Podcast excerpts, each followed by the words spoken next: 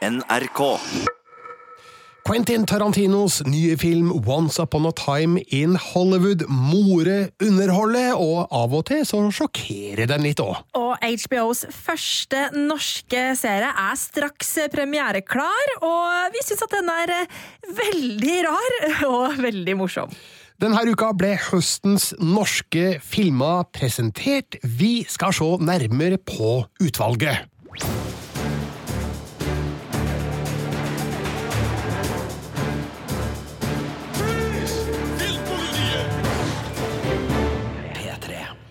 Riktig hjertelig velkommen til Filmpolitiets podkast i dag med Birger Vestmo. Og Marte Hedenstad. Og vi var på kino denne uka, Marte, og hadde det riktig så hyggelig! Ja, og jeg var så glad da du spurte om, du ville, om, jeg, kunne få, om, ville, spurte om jeg kunne få være med på, på, Once Upon a Time in Hollywood og se den, eh, Birger. For du hadde jo allerede anmeldt den. Eh, det, du så den på Cannes, men nå fikk jeg også lov å se den, og det var så gøy. Ja, skikkelig, skikkelig skikkelig morsomt og underholdende, og som jeg sa, også innimellom litt eh, sjokkerende. I'm Rick Dalton. It's my pleasure, Mr. Schwartz. Call me Miles. Put it there. That's your son? No, it's my stunt double, Cliff Booth. Seems this world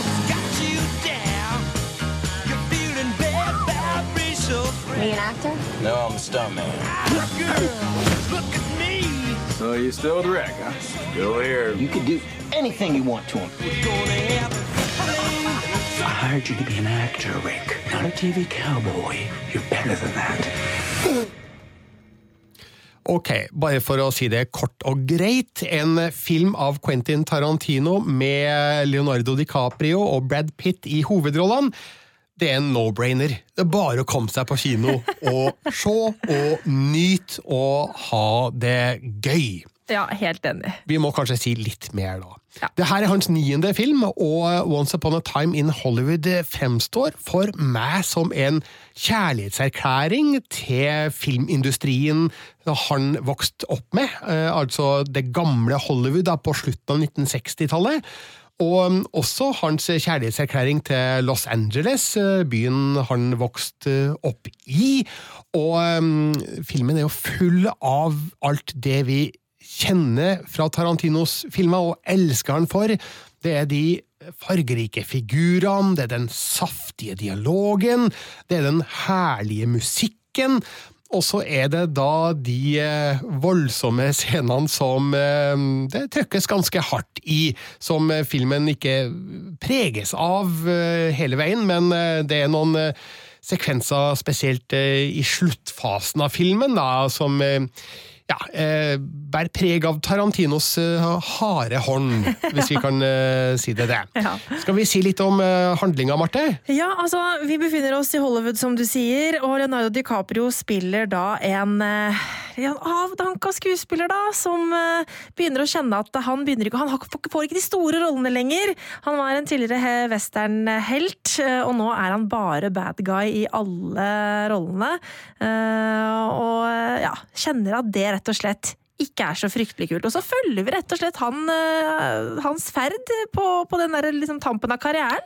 Og sammen med han er jo hans trofaste stuntmann eh, Cliff Booth, spilt av Brad Pitt, som uh, henger i hop med Rick Dalton i tykt og tynt. Og Daltons karriere henger jo godt sammen med Cliff Booth sin stuntmann-karriere, så Det er veldig sånn avhengig av hverandre, de to. Der, eh, der Dalton eh, trenger Booth sin eh, eh, håndlangervirksomhet, hvis vi kan si det, det. Mens eh, Booth ser ut til å være fornøyd med å være en slags assistent til Dalton, og, og gjør stunts innimellom når han får lov. Ja, og så er det jo et sånt veldig fint og rart vennskap dem i to mellom også, fordi altså, det er jo, han er jo ansatt øh, hos, hos Dalton, men, men eh, Dalton trenger han ikke bare for liksom, håndlangeren, han trenger vennskapet vennskap og trenger eh, nærværet hans, for han virker som en veldig sånn ensom fyr, da, Ja. som bor i det huset sitt eh, i LA og ja, er, ganske, er litt så stusslig, egentlig.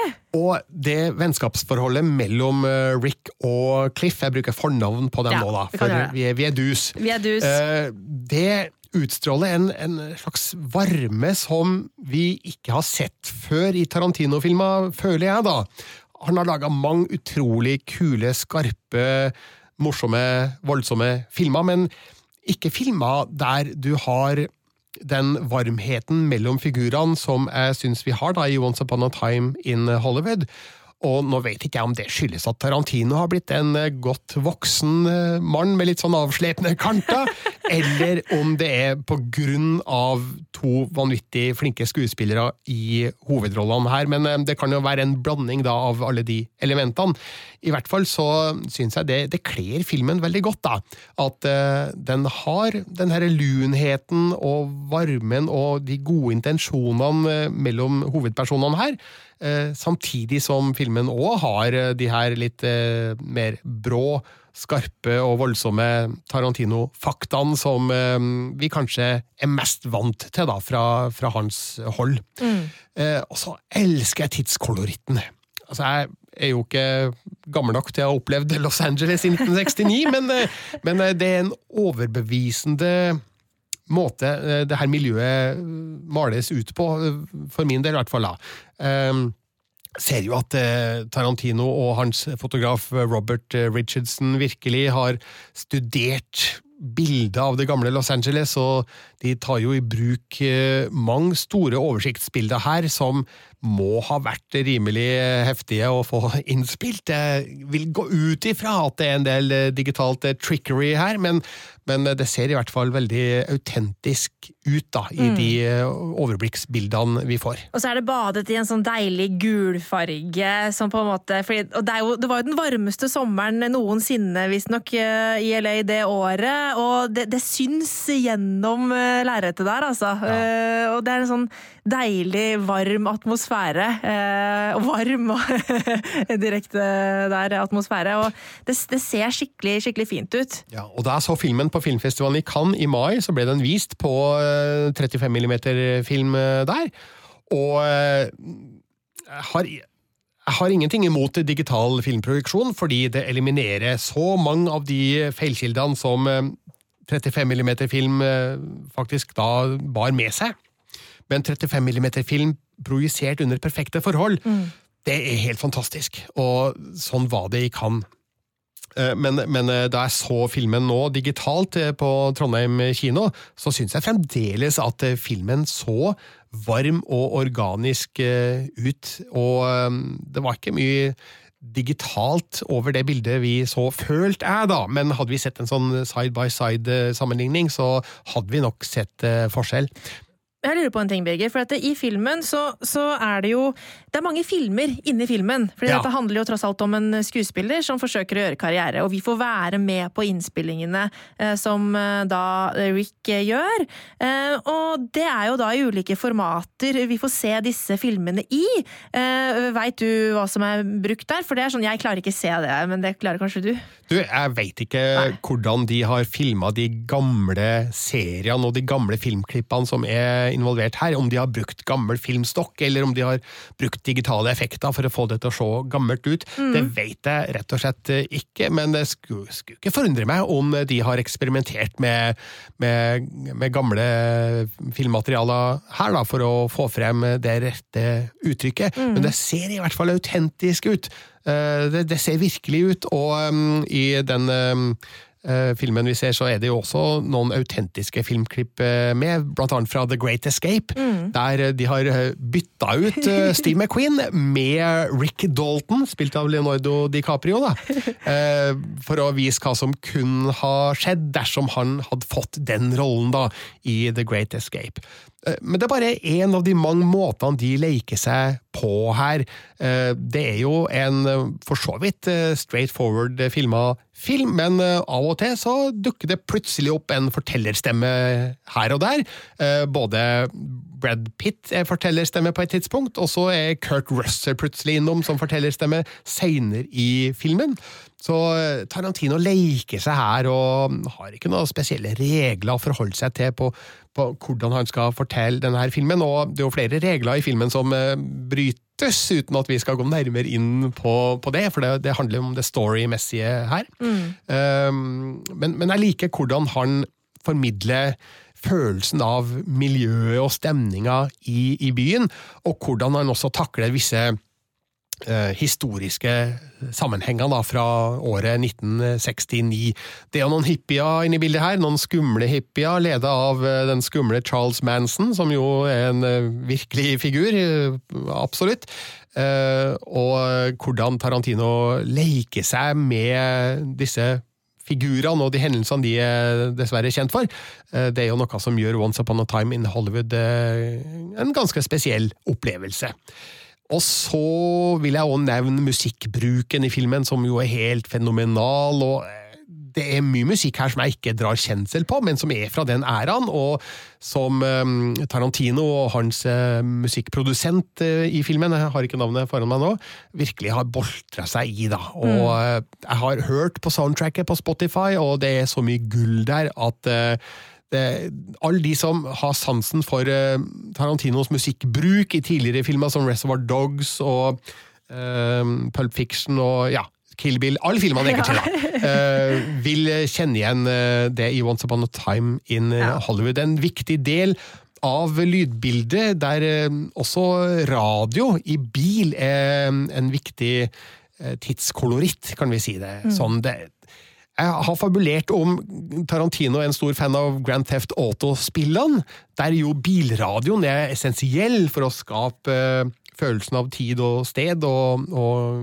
kultur, og det gjør også bilradioene i Once Upon a Time in Hollywood, for det kjøres mye her. Mm.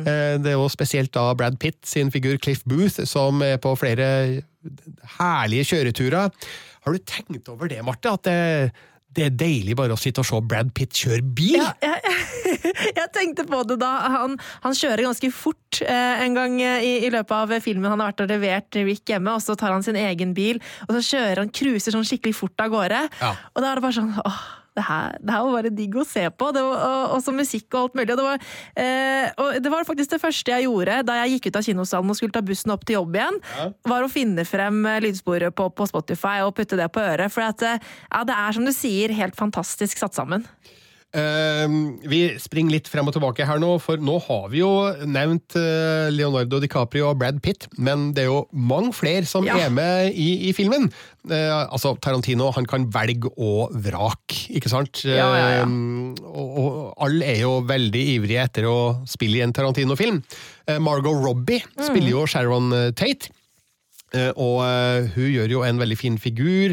Eh, Sharon Tate eh, eh, Den virkelige Sharon Tate leder jo en fryktelig død, og det er jo sterkt å se hun bli personifisert på film i Margot Robbies figur. Mm. En, en fargerik, levende, positiv figur som er nykommer i Hollywood, og som er på starten av en eh, lang, fin karriere. Eh, så ser vi også Emil Hirsch i rollen som Jay Sebring, hennes eh, eh, ekskjæreste og samboer. Ja, og bestevenn. Ja. Det, det var et merkelig forhold, det der. Ja, eh, jeg syns òg det var kult å se Timothy Olyphant i rollen som James Stacey, som da er en TV-stjerne i Los Angeles i 1969. Veldig, veldig kult. Ja, eh, Han er da good guy i en eh, serie der Leonardo Leonardo og Rick Dalton skal spille bad guy, og eh, der har jeg funnet nå i ettertid at eh, det er faktisk litt mer Timothy Olyphant i kinoversjonen enn i den versjonen jeg så i Cannes. Okay. For Tarantino har putta på et par ekstra minutter her og der, og blant annet er det litt mer Timothy Olyphant, og det er jo ikke dumt. Ikke dumt, kan jeg bare skyte inn der, fordi det syns jeg var noe av det jeg likte så godt med filmen, at Tarantino lar oss være i de filmene og seriene som, som spilles inn såpass lenge. Ja. Eh, på et tidspunkt så glemmer man nesten at man ser på Once Upon a Time in Hollywood, og så er du inne i TV-serien isteden. Eh, og det syns jeg var så fint eh, gjort. Og så blir du plutselig revet ut av det igjen, da. Men det, det, det er utrolig mange altså sånn, man får, Jeg fikk lyst til å se alle TV-seriene og alle filmene vi fikk se klipp fra i løpet av filmen. Ja, vet du hva? Interessant at du sier det, for der er jeg litt uenig. Kødder du?! Ja, jeg elska det! I anmeldelsen min på nett så har jeg skrevet at eh, enkelte av sekvensene i filmen føles litt langtrukne, og kun med fordel kanskje vært kutta litt ned. Og da er det det her du sikter til? Ja, eh, det er noen eh, scener fra eh, et par av de her seriene Rick Dalton spiller i, som jeg ikke syns er så innmari interessante. Oh, ja. Altså, de får i hvert fall en av de scenene får jo en interessant utgang, men jeg behøvde ikke å ha hele den lange, lange scenen i forkant. Men jeg veit ikke.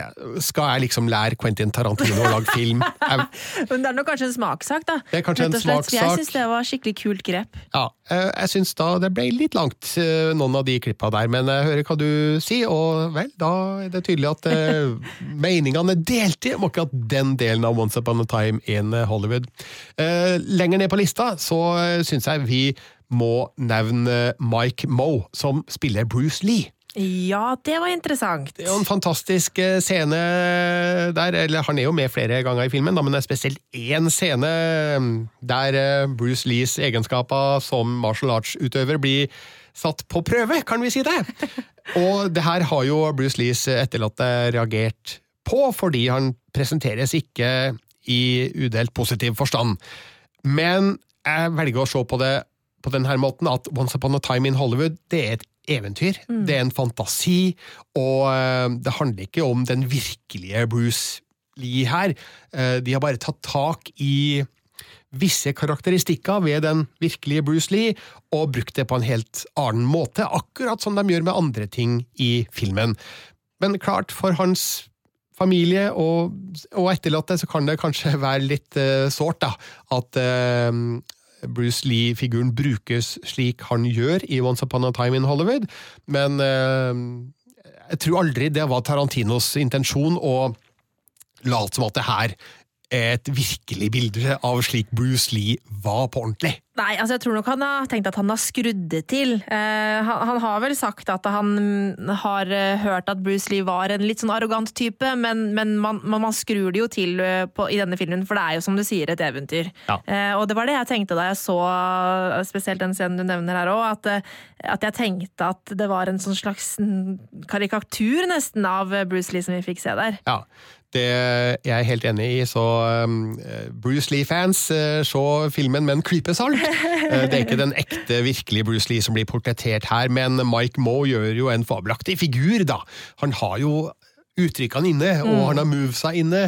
Uh, så hvis noen skulle få lyst til å lage en uh, Bruce Lee-biografisk uh, film, så er Mike Moe tilgjengelig, vil jeg anta da. Tilgjengelig er dessverre ikke Luke Perry lenger, som dessverre døde tidligere i år. Eh, han døde jo bare få måneder før eh, filmen ble vist for første gang i, i, i Cannes, og han spiller jo en eh, kort rolle som Wayne Maunder, en figur i en av TV-seriene som Rick Dalton spiller i, og må jo si at det, det er litt spesielt å se en skuespiller i aksjon mm. så kort tid etter at han faktisk plutselig døde. Ja, jeg tenkte på det da jeg så han, og oi, det var så rart å se han på en måte. Når du vet at han er borte. Hva syns du om eh, Damon Lewis da, som Steve McQueen? Det syns jeg var fin. Ja, altså, eh, Steve McQueen, legendarisk skuespiller i Hollywood, som dessverre døde ganske tidlig. Ja. Men eh, han eh, var jo eh, en av de kuleste skuespillerne eh, i sin æra, og det må jo være en utfordring for en eh, skuespiller i dag å portrettere selveste Steve McQueen. Ja. Jeg vet ikke hvor godt eh, Damon Lewis egentlig klarer det, men eh, Ja, for jeg, jeg, jeg har jo ikke sett uh, altså, Jeg vet jo hvordan Steve McQueen ser ut på, i filmer, liksom, men jeg har ikke noe inntrykk av hvordan han var som en person. Uh, så, så jeg tenkte at eh, ja, ja, det, det var en kul fyr, det var det jeg tenkte da jeg så, så filmen. Men jeg, jeg kjenner kanskje ikke godt nok til han. Men en forholdsvis kort rolle, da. Ja. Men eh, det, det er gøy mest av alt å se Damon Lewis, og også Al Pacino som eh, agenten eh, Marvin Swartz. Ikke Swartz, men Swartz. Swartz, Swartz. Det var veldig viktig. Ja, nemlig. Um, en av flere uh, veteraner som er med i denne filmen. Uh, også er det litt pussig, da, å eh, se Costa Ronin i en veldig liten rolle som eh, polakken Wojtek Frykowski, en kamerat av eh, godeste Roman Polanski da, i filmen. Mm. han er jo kjent fra Homeland og The Americans, først og fremst. Eh, og tenker jo at han er ikke han litt for stor for en så bitte liten rolle? Men så er det en film av Quentin Tarantino! Det er akkurat det! Alle, alle de tar liksom jeg, jeg vil være med, jeg tar hva som helst. Jeg kan gi én replikk, eller jeg trenger ikke ha en replikk engang. Jeg vil være med. Sånn tror jeg folk har eh, liksom eh, lyst, så lyst til å bli med i Quentin Tarantino sine filmer, for det er jo det er så mange kjente skuespillere her. Og hvis noen lurer på hvem Costa Ronin er, det er han høye russeren i eh, Homeland og i The Americans. Og ja, han spiller vel stort sett høy russer Ja, med i de aller fleste filmene og seriene han er, er med i. Men det her er da først og fremst showet til Leonardo DiCaprio og Brad Pitt, og Mm. det er utrolig å tenke på at det her er det er første gangen de samarbeider. Og det skulle man ikke tro, fordi de har så god kjemi sammen. Det var en fryd å følge de to, altså. Ja. Jeg koste meg så mye med samspillet de hadde, eh, og jeg håper de lager masse filmer sammen videre. Og vi skal ikke se bort ifra det. altså På filmfestivalen i Cannes så ga begge uttrykk for at de satte veldig stor pris på samarbeidet. og klart, nå, Det her er jo sånn som de sier Ja. da, ikke sant, på filmfestivaler, og når filmer skal promoteres og presenteres. Men eh, jeg ser godt for meg at de to kara her eh, passer godt sammen, fordi de er omtrent like gamle. og ja, det her sa jo Brad Pitt sjøl i Cannes, at de har jo vokst opp under lignende forhold og starta i bransjen omtrent samtidig, og har opplevd mye av det samme, både jobbmessig og privatmessig, sånn, ja, sånn som privatlivet til stjerner blir påvirka av mm. sin eh, stjernestatus. Så de har, de har kanskje mye til felles. Og eh, vi håper jo at Altså, jeg kunne godt ha sett dem som Rick Dalton og Cliff Booth om igjen. Eh, det fins jo et 70-tall de kan boltre seg hva? Å, herregud, ja! Lag flere filmer med de! Og det, det, det, sier, det sier jeg veldig gjerne ja Det spørs om det måtte ha blitt med Tarantino som eh, manusforfatter og regissør. Da, og nå, nå har jo Tarantino ymta fram på flere ganger at han skal gi seg etter mm. sin tiende film. Han har det. Eh, hva som blir hans tiende film, er jo fremdeles ikke helt klart, men eh, det, det ryktes jo at eh, han jobber med en Star Trek-film. Ja, det gjør det. Og det hadde jo vært litt eh, snålt om en ny Star Trek-film blir Quentin Tarantinos tiende og siste film. Det er eh, på mange måter veldig rart, men òg veldig gøy hvis det blir, blir sånn. Men hvorfor skal han gi seg? Altså, det føles veldig sårt og vondt at han skal bare slutte opp. Men eh, jeg leste et intervju med Tarantino og Brad Pitt i, eh, i GQ i Australia, et magasin, og der sier Pitt et eller annet om at eh, Tarantino nok har sett eh, andre store filmskapere som lager dårligere og dårligere filmer. Eh, jeg kan jo nevne Woody Allen, jeg kan nevne Ridley Scott, helligbrødet å si det, men det er jo ikke alle filmene de har laga de siste åra som har vært like gode som filmene de laga i sin storhetstid. Nei. Og det kan jo tenkes at Tarantino har mest lyst til å bli huska som en stor filmregissør i de 25 åra han drev på. Eh, jeg, føler, jeg føler at han er så ung fortsatt. Altså, eh, han er jo ikke så himla gammel. er det vel 55-56, er han ikke det? Ikke sant? Og når du tenker på hvor lenge veldig mange regissører holder på altså, ja, Ridley Scott, for eksempel. Altså, er ikke han i 70-åra? Eh, Han er over 80. Han er over 80! Ja. Sånn, liksom sånn. Men ja, så har det jo ikke kanskje gått så bra. Nei, altså, det har vært flere ålreite filmer Ja, fra hans eh, men, side, men det er ikke liksom så bra som det var. Nei, det er ikke Blade Runner, det er Mm. ikke Alien, det er ikke Gladiatoren. Det er ikke det, vet du. Så det kan tenkes at det kan være eh, delvis motivasjonen eh, Tarantino har da, til å gi seg etter den tiende filmen. Mm. Men jeg føler jo nå at jeg håper han lar seg overtale da, til å fortsette en stund til, fordi det er ikke så mange som lager filmer slik Tarantino gjør det. Han har sin særegne stil, og hans personlighet fargelegger jo filmene på en helt spesiell måte. Så det vil være et tap, føler jeg da, hvis han gir seg etter film nummer ti. Eller så kan det hende at vi om 10-15-20 år fra nå tenker at Han burde dæven, han, han burde ha gitt seg etter den tiende filmen!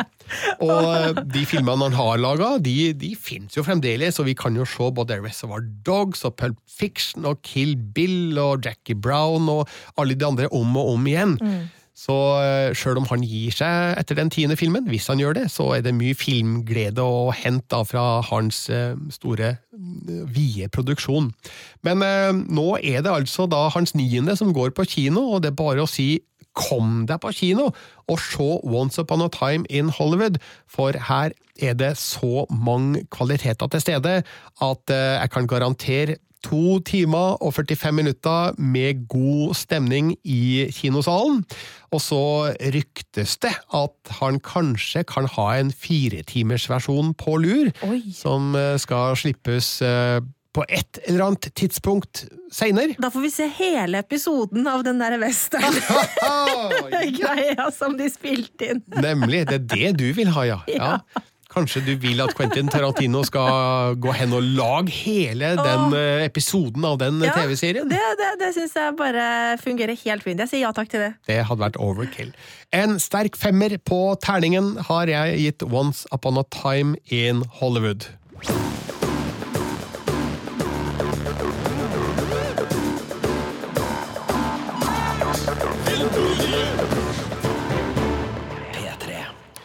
Da skal vi over til HBO Nordic, for på onsdag er det premiere på deres første norske serie, Marte. Oh yes, Be Foreigners. We've only seen the beginning of what seems to be a global event. As we are hearing, this is happening in a number of locations all over the world. Unofficial observations seem to be pointing in the same direction that individuals from the past appeared. En fremvandrerkvinne har drevet i land. Rettsteknikerne virker overbevist om at dødsårsaken er kvelning. Og det er med stolthet at jeg i dag kan presentere vår første ansatte med flertemporal bakgrunn. Hva om vi teamer opp der, Lars, med vårt nye tilskudd? Be Foreigners er altså tittelen på den norske serien på HBO Nordic. En eh, litt eh, smart blanding av ordene before og foreigners. Yes, Og på, og på, norsk da, så omtaler de disse Be Foreigners-folka som fremvandrere. En fin miks av eh, folk som vandrer frem i tid, og innvandrere. Ja, for hva er konseptet her? Det, det her må du forklare. Konseptet er jo rett og slett at det skjer et mystisk fenomen rundt omkring i hele verden. I Norge så skjer det fenomenet eh, i Oslofjorden, rett utafor Operaen. Det er et lysglimt i havet, og i det lysglimtet så dukker det da opp mennesker fra steinalderen, fra vikingtida og fra 1800-tallet.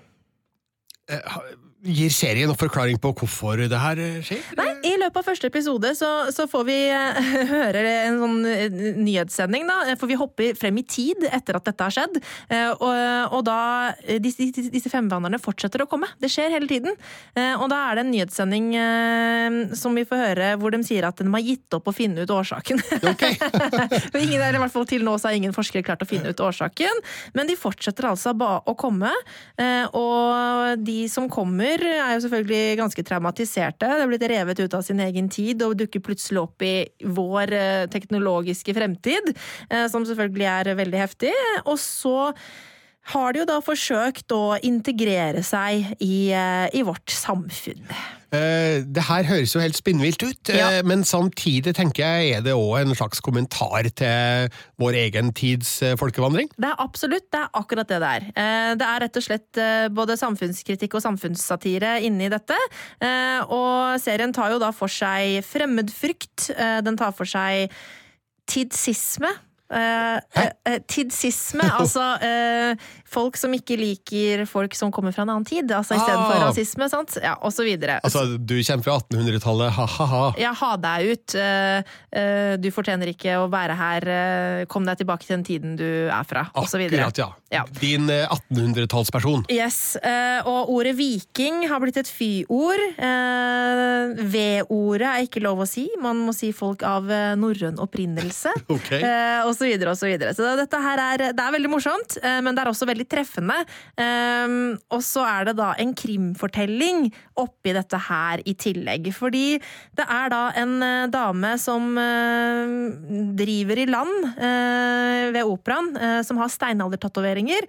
Og det blir da først antatt at eh, hun er en av disse fremvandrerne som har rett og slett drukna eh, idet hun kom over. Men så viser det seg at hun har blitt drept. Og da er det politietterforskeren Lars, spilt av Nicolai Kleve Broch, som får i oppgave å etterforske dette drapet.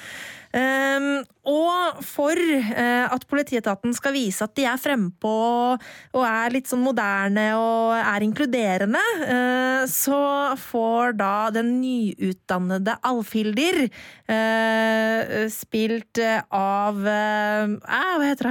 Eh, spilt av Kri Krista Kosonen jobben som hans partner for å være med i den etterforskninga, fordi hun er opprinnelig en kvinne av norrøn opprinnelse, og er, som vi hørte i lydklippet innledningsvis her, den første i politietaten med flertemporal bakgrunn. Ok, akkurat. Du, vet du hva? Det her høres eh, som sagt helt spinnvilt ut, Ja. og eh, et sånt fiffig konsept eh, kan jo lett eh, gå seg bort i seg sjøl. Ja. Hvordan fungerer det, syns du, i, serien? Jeg, eh, innledningsvis så, så for jeg så disse episodene Jeg har sett fem av seks episoder ganske lenge. Det hadde kommet en lenge før det kom noe som helst mer info. Det hadde kommet en liten teaser eh, hvor konseptet ble lagt frem, men den er veldig seriøs. Ja. Og i den første episoden så er det også det er full seriøsitet her. Det er en eh, alvorlig politimann, det skjer en, en alvorlig hendelse.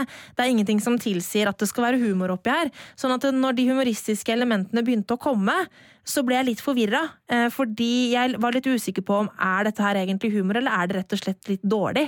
Eh, men etter hvert som da serien fikk satt seg, så, og jeg liksom forsto konseptet, så begynte jeg å storkose meg virkelig, eh, og det sitter som et skudd etter hvert. Altså det, og hvis man går inn i det og er fullt klar over hva det er man skal se, så blir det nok litt, litt enklere.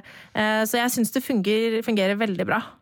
Eh, Serien er skapt av Anne Bjørnstad og Eilif eh, Skodvin, Ja. og er regissert av eh, Jens eh, Lien. eh, Kjent for filmer som Johnny Wang, Den brysomme mannen og Sønner av Norge. Mm. Eh, Det jeg lurer på, da, er er serien stor nok, tror du, til å fenge et internasjonalt publikum? Ja, altså, i utgangspunktet så tror jeg det, ja. Um, det eneste som jeg undrer på der, er det der med språk. Fordi eh, et internasjonalt publikum, spesielt i USA og Storbritannia, er jo ikke alltid så veldig fornøyde med ting som ikke foregår på deres språk. Eh, så jeg håper at den klarer å nå gjennom, fordi at den har virkelig det som skal til.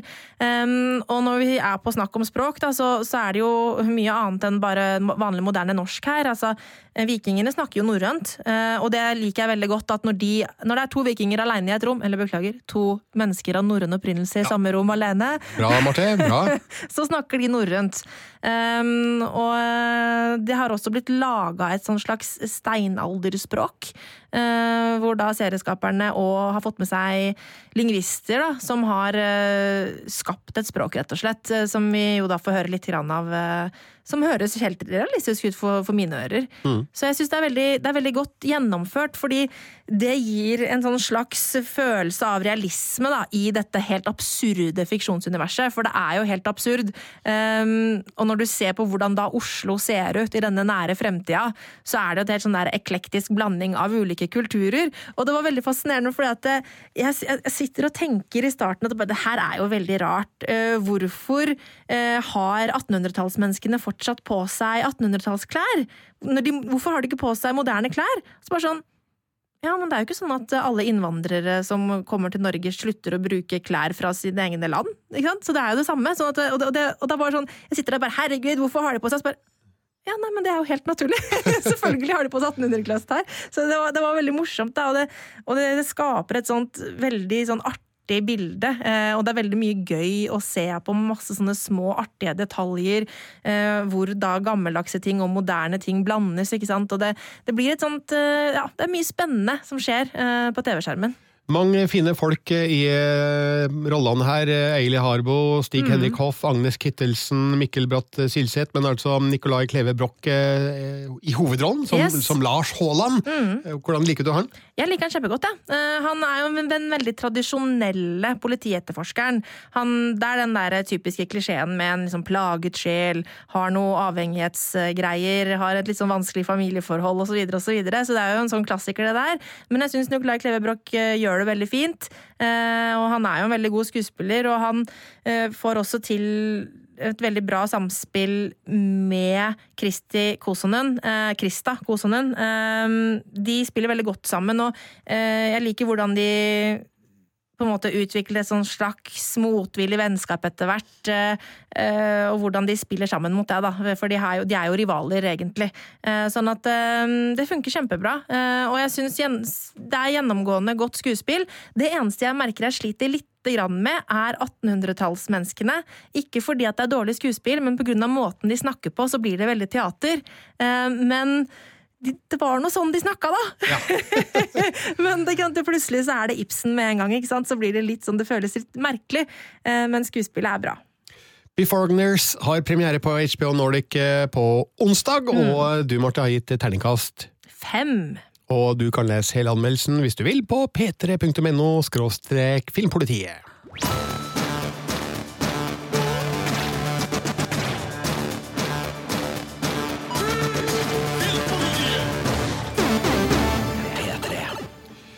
Denne uka ble høstens norske filmer lansert i Oslo på et event eh, i regi av Norsk Filminstitutt, som jo er veldig interessert i å pushe norske filmer på et norsk publikum. Eh, Vi har hele lista foran oss eh, her nå, og skal gå gjennom hva vi har i vente fra nå og fram til jul. Og det starter jo allerede nå førstkommende helg på filmfestivalen i Haugesund, for den åpnes med Askeladden i Soria Morias slott, som har norgespremiere neste fredag, altså 23.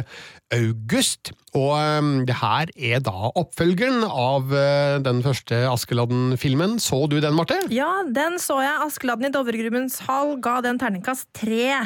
Eh, og det var rett og slett fordi det var et litt sånn dårlig manus, syns jeg. Eh, men skuespillerne og på en måte eventyrfølelsen var til stede, og skuespillerne var veldig gode. Eh, Vebjørn Enger. Veldig sjarmerende rollen som Askeladden. Ja, og nå kan det se ut som at Eili Harbo skal få enda mer å gjøre i rollen som prinsesse Kristin, for hun ble litt sånn bifigur i den første filmen. Ja, og det var noe av det jeg kritiserte med den også, at hun fikk litt lite å spille på. Så hvis hun får større plass nå, så er tommelen opp for det. Ja, for nå må Espen Askeladd og prinsesse Kristin legge av gårde til mm, det sagnomsuste Soria Moria-slottet for å prøve å finne livets vann. Og det fordi kongen og dronninga har blitt forgifta. Så eh, det er utgangspunktet her. Igjen Mikkel Brenne Sandemose som regisserer. Eh, Den første ble jo da sett av 354 000 på kino, og det til tross for din treer på Oh, terningen, yes. Barte. Tror det var en Så- god del familier som gikk og så den. ja, så vi får se da om det blir like høye tall for Askeladden i Soria Morias slott. Eh, 30. august så kommer da Hjelperytteren, en eh, ny film eh, mm, fra Jonnike Systad Jacobsen, som eh, debuterte så bra med Få meg på for faen i 2011. Og nå har hun henta inn eh, ingen ringere enn Silje Salomonsen til å spille hovedrollen en av norsk films mest underbrukte skuespillere, syns jeg. Altså, hun har jo vært med i mange av uh, ektemannen Arild Østin Ommundsens uh, filmer. Uh, for eksempel um, eh, Now It's Dark og Eventyrland og Mongoland. Eh, men nå endelig da en annen regissør som eh, tar i bruk eh, eh, Silje Salomonsen, og det kan bli spennende. Hun spiller da en tidligere proffsyklist. Eh, Kim Carlsen, eh, som da på tampen av sin karriere innrømmer bruk av doping, og så får vi se eh, hvordan det påvirker hennes rykte, renommé og personlige liv. Eh, 13. september kommer Barn av Dag Johan Haugerud, og den er jo da invitert til sideprogrammet Venice Days, og da snakker vi om filmfestivalen i Venezia, som starter 28. august. Eh, Og det er jo en fjær i hatten, det, for norsk film, at en film blir invitert eh, dit. Og de som så Dag Johan Haugeruds eh, forrige film, Som du ser meg, eh, vet at han er en interessant eh, eh, filmstemme, og eh, nå handler det om det som skjer etter at barnet til en fremtredende arbeiderpartipolitiker skade barnet til en Frp-politiker i skolegården. Eh, Her får vi da kanskje se en del politiske betente Mm. situasjoner. Jeg vet ikke helt hvordan handlinga her skal utspille seg, men eh, i hvert fall så mm, eh, er det da det som er utgangspunktet for eh, Barn av Dag Johan Haugerud, som får norgespremiere 13. september. Marte, er du klar for mer Kaptein Sabeltann? Jeg vet hva, jeg må innrømme at jeg har nok ikke sett de, de siste Kaptein Sabeltann-filmene, så det begynner å bli en stund siden jeg så på det. Ja. ehm, jeg har jo hatt barn i Kaptein Sabeltann-alder. Nå er de eh, for lengst for gamle for det, og da forsvinner også mitt behov for å se Kaptein Sabeltann-film. Eh, men skal ikke se bort ifra at jeg gir Kaptein Sabeltann og Den magiske diamant en sjanse når den har premiere 27. september, for den er regissert av eh, Rasmus A. Sivertsen og Marit Moum Aune. Og eh, Sivertsen er jo kjent for Dyrene i Hakkebakkeskogen og Flåklypa-filmene. Mm. De, eh, de, ikke den første, da. Ikke den eh, Ivo Caprino sin, men ja, det hadde gjort seg. ja, men de Solan og Ludvig-filmene, og Ja. er jo Mm. kanskje en av han, han er kanskje Norges mest suksessrike regissør, hvis vi ser på, på antall publikummere som har sett eh, filmene hans. Det er jo flere hundre tusen på hver av de. Mm. Så skal ikke se bort ifra at Kaptein Sabeltann og Den magiske diamant også blir en suksess. Den følger da Pinky og Sunniva eh, om bord på Kaptein Sabeltanns skip Den sorte dame i et kappløp mot jungelfyrsten Maga Khan for å finne den magiske diamant. Det er jo kjente figurer, det her, og um, Mm. Kaptein Sabeltann skal selvfølgelig også være med, og det er da 27. september det skal skje. Jeg hadde en serious crush på Pinky da jeg var liten. Du hadde det? Ja, ja, jeg synes den var vel. så kjekk og sjarmerende. Syns du det fremdeles? Det er gått over. Ja, det har det. Ok. Godt å høre. Eh, og så eh, er det slik at vi har en eh, regissør som heter Pål Øye her i landet, kjent for Villmark og Skjult, og han har ikke mindre enn to filmer på gang denne høsten. Den første har premiere 1., nei, 4. oktober, og den heter Astrup, flammen over Jølster. Eh, Det handler da om en av Norges største billedkunstnere, Nikolai Astrup, som levde fra 1880 til 1928, og regnes som en av Norges største kunstnere. Da. Og det skal være et storslått biografisk drama, det her, uten at vi vet veldig mye mer om eh, akkurat eh, handlinga i, i filmen. Men danske Ture Lindhardt eh, spiller da selveste Astrup, mens Dennis Storhøy og Henriette Marø spiller andre roller i denne filmen. Og så, da, 4. oktober, da skal vi få se om Josefine Frida Pettersen er mer enn bare Nora i Skam. Ikke sant. Da kommer disko. Da kommer disko. Og nå er sikkert eh, Josefine møkka lei av å være Nora fra Skam, og hun brenner helt sikkert etter å vise eh, hva mer hun har å by på. Og det kan godt tenkes at hun får vist seg frem på en positiv måte i rollen som Miriam i Disko, for eh, filmen er allerede invitert til filmfestivalen i Toronto, den er invitert til filmfestivalen i San Sebastian, og den skal også vises på filmfestivalen i Bergen. Og eh, jeg tenker jo at eh, det er et godt tegn, da, at en film er invitert til tre store filmfestivaler lenge før den har hatt premiere. Ehm, og det er også da den andre filmen fra Jorunn Myklebust eh, Syversen, som jeg syns debuterte veldig godt med Hoggern i 2017. Den ble jo nominert til to Amanda-priser, og fikk eh, stort sett eh, gode kritikker overalt, inkludert fra, fra mitt hold, så jeg ser frem imot disko.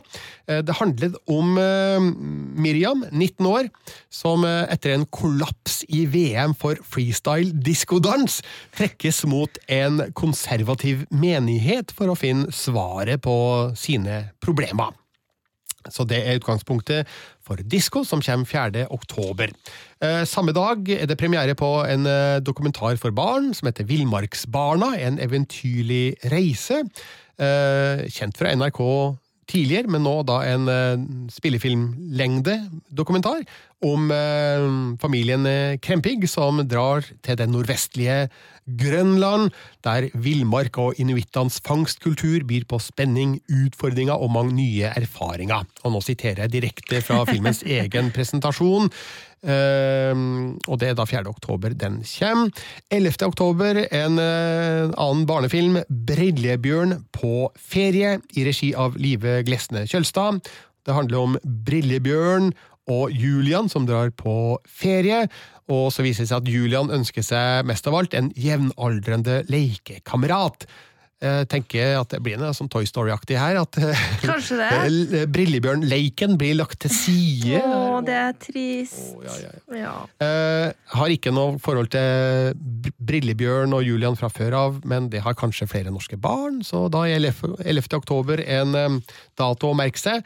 Det er også datoen for eh, potensielt høstens eh, morsomste norske film. Eh, I hvert fall så ser det lovende ut på papiret, Ja. nemlig Swingers i regi av Andrejs Ekis og Stig Frode Jompa Henriksen. Og det er veldig mye eh, kjente navn på rollelista her, som eh, tilsier at det kanskje bør bli morsomt. Ja, det er Morten Ramm, Sahid Ali, Evy Kassetter Røsten, Kristine Ullebø, Alexandra Ørbekk Nilsen, eh, Stig Frode Henriksen og Mikkel Bratt eh, Silseth. Og det skal handle om, så vidt jeg har skjønt, da, noen samboerpar som kjeder seg og bestemmer seg for å møtes i ulike konstellasjoner, antar jeg, da, siden filmen heter det den heter, Ja. altså Swingers. Uh, og det er 11. oktober. 18. oktober kommer Operasjon Mumie, som er oppfølgeren til Operasjon Mørkemann, som kom i fjor. Igjen regissert av Grete Bø, og den har Annika von der Lippe, Rolf Christian Larsen og Pål Sverre Hagen i voksne roller. Og det handler om barnedetektivene Tiril og Oliver, og sporhunden Otto, som etterforsker skumle hendelser på en mumieutstilling i Elvestad. Det ryktes at museet der er ramma av farao Tutankamos forbannelse. Åh, spennende. 18. oktober, da er det comeback i norsk film for Ingrid Bolse Berdal, som eh, har vært opptatt eh, på andre fronter de siste åra, litt sånn utenlands og greier. Og det er fint, det, men vi ser gjerne mer eh, Ingrid i norsk film, og Spionen kommer altså 18. oktober. En film om Sonja Wigert, som eh, ved utbruddet av andre verdenskrig var diva og stjerne i Stockholm, og som ble dobbeltspion for både svensk etterretning og for nazioffiseren Josef Terboven, og det her er basert på virkelige hendelser. Sonja Wigert var en virkelig person, og det skal bli spennende å se da hvordan eh, Bolse Berdal takler den rollen. Eh, Regien er ved Jens Jonsson, som eh, sist laga Snabba Cash, Livet Deluxe, i 2013, og det syns jeg var en veldig sterk film, så mm, det skal bli spennende å se om de to er en god match da, i Spionen, som kommer 18. oktober. 1. november, da er det premiere på De dødes tjern. Har du hørt om den, eh, Marte? Ja, den eh, husker jeg så den på ungdomsskolen. Ja. Ehm, og syns jo det var skummelt, men jeg har ikke sett den eh, siden, altså. Nei. Det her er et sånt stort, svart høl i min filmhistorie, fordi jeg har aldri sett De dødes tjern, men jeg har al- alltid visst om den. For det her er jo en film opprinnelig da, fra 1958. For vi så den altså på skolen som en del av pensum, liksom. Akkurat, ja. mm. Eh, film fra 1958, ja, av Kåre Bergstrøm. Eh, basert på en roman av Bernhard Borge, som var et pseudonym for André Bjerke. Eh, nå er det Nini Bull Robsam som har laga en ny versjon av eh, boka. og Det handler om en gruppe venner som drar på tur til et gammelt hus ved et tjern som det går skumle rykter om. Eh, og den teaseren som allerede er sluppet, antyder at Lillian, spilt av Iben Akeli, har forutgående kjennskap til det her tjernet, og at det kanskje har skjedd noe med broren hennes der. 1. november er det altså De dødes tjern kommer på kino. Uka etter, 8. november, så kommer en ny film med Snekker Andersen og julenissen, den vesle bygda som glemte at det var jul. Og ja, 8. november, litt tidlig med julefilm, eller? Altså, Jeg synes at det Ofte så kommer julefilmene i november, eh, og det syns jeg er teit. Jeg tenker det hver gang det kommer julefilmer i november. At det, nei, Det er ikke jul enda, Det er ikke lov før eh, advent har begynt. Ja, kanskje litt enig der, men eh, så forstår jeg jo òg at Ja, de vil jo maksimere For etter publikumspotensial. Ja, for er etter nyttår, etter nyttår er markedet ferdig Ja. med julefilm. Jeg ser den. Um, nå er det Andrea Ekerbom som har regi, og det er igjen Trond Espen Seim og Anders Båsmo Christiansen som spiller henholdsvis Snekker Andersen og julenissen. Og um, denne gangen eh, må de hjelpe lille Elise med å redde jula før det er for seint. Det er alt jeg vet om handlinga, og det er alt jeg trenger å vite om handlinga før jeg ser filmen da i eh, begynnelsen av november. Eh, 15. november da kommer dokumentarfilmen I Human, og den er regissert av Tonje Hessen Skei, som eh, laga den ekstremt eh, solide og eh, effektive dokumentaren Drone i 2015. I Human beskrives som en dokumentarthriller om hvordan kunstig intelligens forandrer oss som mennesker, hvordan det forandrer samfunnet, og, og hvordan det vil påvirke framtida vår. Eh, og så spør filmen hvem har egentlig kontrollen? Og Det er sånn, jeg kjenner en sånn dokumentar man blir redd av, Ja. føler jeg. Du, jeg, overvar en presentasjon av filmen på filmfestivalen i Cannes, der Ja. Tonje Hessen Schei fortalte om hva de drev på med, og hun viste klipp fra filmen, og allerede der kjente jeg at uh, jeg- Ignorance is bliss. Altså, jeg vet ikke helt om jeg vil vite hvordan min bruk av teknologi eh, egentlig kontrolleres av andre. Mm. Å, gud, ja, ja, ja. det der, altså. Så- Skumle greier. 15. november kommer I Human. Eh, 22. november er det premiere på Håp av Maria Sødal, som uh, laga Limbo i 2010. Og eh, Håp er basert på hennes egne opplevelser. Det handler om Anja som får eh, sjokkbeskjeden om at hun bare har få måneder igjen å leve, og hvordan, hvordan det påvirker forholdet til samboeren eh, Thomas. Eh, Maria Sødal fikk også en alvorlig kreftdiagnose i 2012, og det er jo bakgrunnen for eh, det her manuset og denne filmen, der Andrea Brein Hovig og Stellan Skarsgård eh, spiller hovedrollene. Eh, denne filmen får også premiere på filmfestivalen i Toronto, i likhet med Disco, i det samme sideprogrammet som heter Discovery, og får da norgespremiere 22. november. Og så det er én film igjen da, blant de norske som kommer i eh, høst, og det er Tunnelen, som har premiere 25. desember. Og det er den andre filmen fra Pål Øye, som også da lager Astrup, Flammen i Jølster. Eh, Det beskrives som en spenningstriller spenningsthriller eh, om en tunnelbrann eh, et sted på Vestlandet. Eh, Vi vet lite om eh, handling her, annet enn at Torbjørn Harr spiller hovedrollen, og mm, at eh, flere familier på vei hjem til jul blir fanga i et inferno, der de må gi alt for å overleve, samtidig som en vinterstorm herjer i fjellet, som gjør det vanskelig for redningsmannskapene å komme frem. Og det er utgangspunktet da for tunnelen, og eh, det er lett å kanskje tenke katastrofefilm når man hører handlingsbeskrivelse her, men Pål Øye har sagt sjøl at eh, det er mer en, eh, en dramatriller, var vel ordet han eh, brukte da. Eh, Så første juledag er det premiere på den, og eh, det at eh, filmdistributøren har valgt den datoen, kan jo være en indikasjon på at de har trua på at den kan treffe publikum da på positivt eh, vis. Så får vi se. Det var de 16 eh, filmene som har eh, norgespremiere nå i høst, altså de norske. Jeg tok en opptelling her og fant ut at åtte av dem er regissert av kvinner, sju av menn, og én av både en mann og kvinne, og det er jo veldig riktig fordeling her, da. Veldig likt. Er du, er du fornøyd med at det er én mer eh, regi, regissert av kvinne, eller? Eh, det bryr jeg meg ingenting om. Nei, du gjør ikke det. Jeg bryr meg heller ikke så mye om det, føler jeg. da Burde kanskje være litt mer opptatt av det, men det jeg er opptatt av, er at det er gode filmer Enig. som blir eh, presentert. Så eh, jeg tenker at eh, tenker at det er et spennende um, utvalg på papiret her, i hvert fall. da. Ja. Eh, 14 spillefilmer, to dokumentarfilmer, eh, og det er kanskje litt få dokumentarer, egentlig. Da pleier det å være litt flere, men eh, så er jo da en av dem den superspennende I Human. Mm.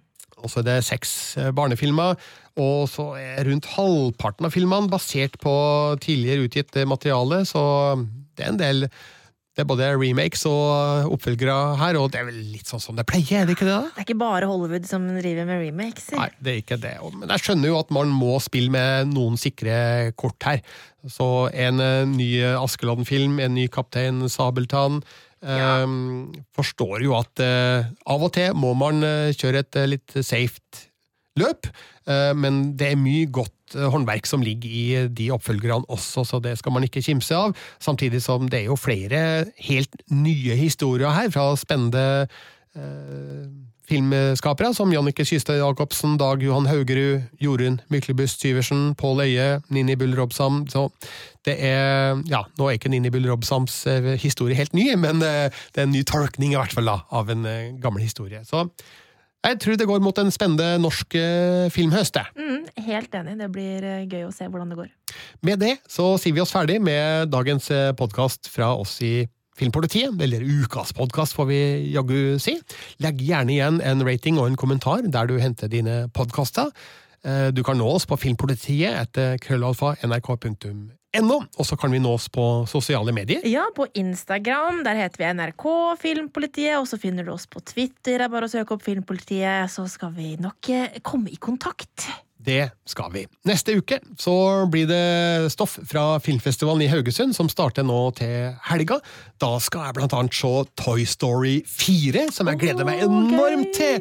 Og så skal jeg da se den eh, Askeladden-filmen vi allerede har snakka om, i Soria Moria slott.